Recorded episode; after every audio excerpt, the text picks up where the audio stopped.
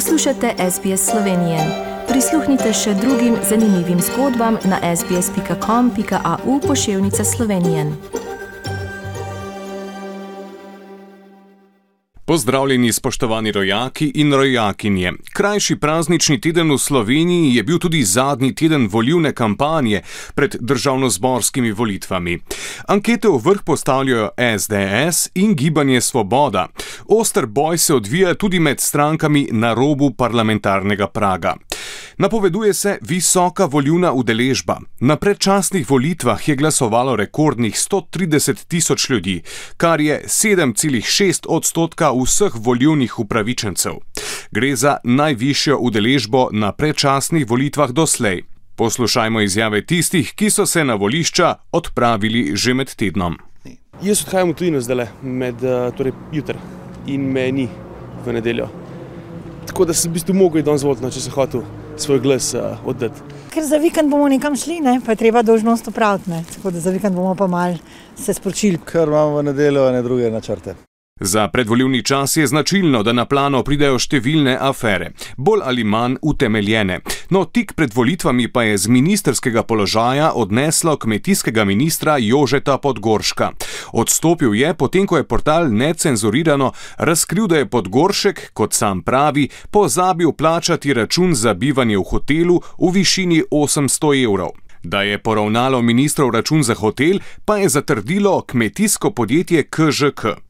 Podgoršek, sicer poslanski kandidat NSI, je prepričan, da je bil žrtev izsiljevanja. Gre za naprej zarežiran proces proti meni in moji družini. In verjetno se bo v teh dneh še nadaljeval z različnimi potvorjenimi informacijami strani tistih, ki mi želijo škoditi. Poskus izsiljevanja, ki sem ga bil deležen konec prejšnjega tedna, sem prijavil kriminalistični policiji. V našem drugem največjem mestu, v Mariboru, pa je v preteklem tednu odmeval fizičen obračun mariborskega župana s 13-letnikom. Zaradi domnevnega vandalizma, med drugim kraje rabljenih teniških žogic, je Saša Arsenovič lažje poškodoval 13-letnika. Tako trdi oče mladoletnika, ki je napad prijavil policiji. Župan je izrazil obžalovanje zaradi svojega ravnanja, a zanikal, da bi fanta davil, prijel naj bi ga le za roke. Bi kljub vandalizmu, obesnosti in grobim žalitvam lahko in moral pri mojih eh, zrelih letih ravnati drugače, eh, manj burno in se zato še enkrat upravičujem. Če bi to dejansko bilo tako, kot trdi župan, bi on poklical mene ali policijo, če bi ga držal za roko, bi prišel gor, pa bi mu jaz rekel, pravilno ste naredili, pa bi se pogovorili kot odrasli ljudje. Uh, to ni bilo niti približno tako. Del mestne politike v Mariboru je zahteval županov odstop. V četrtek pa je Arsenovič izgubil še večino v mestnem svetu, saj je iz koalicije izstopila lista kolesarjev in pešcev. Za konec pa k bolj prijetni, praznični temi. Na veliko noč so se kristijani po Sloveniji zbrali v cerkvah na velikonočnih mašah.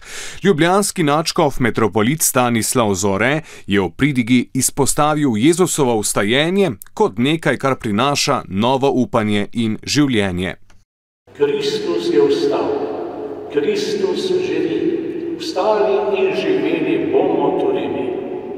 Verjamem v ustajenje Jezusa Kristusa, to je največji krščanski praznik in bodimo veseli, da se ga lahko udeležimo in radujemo. Ko pomislim na vojno v Ukrajini, ko srce onemi ob grozotah, ko slišiš o njih, se mi zdi, da samo to ti da novo upanje. Bog je večji kot zlo.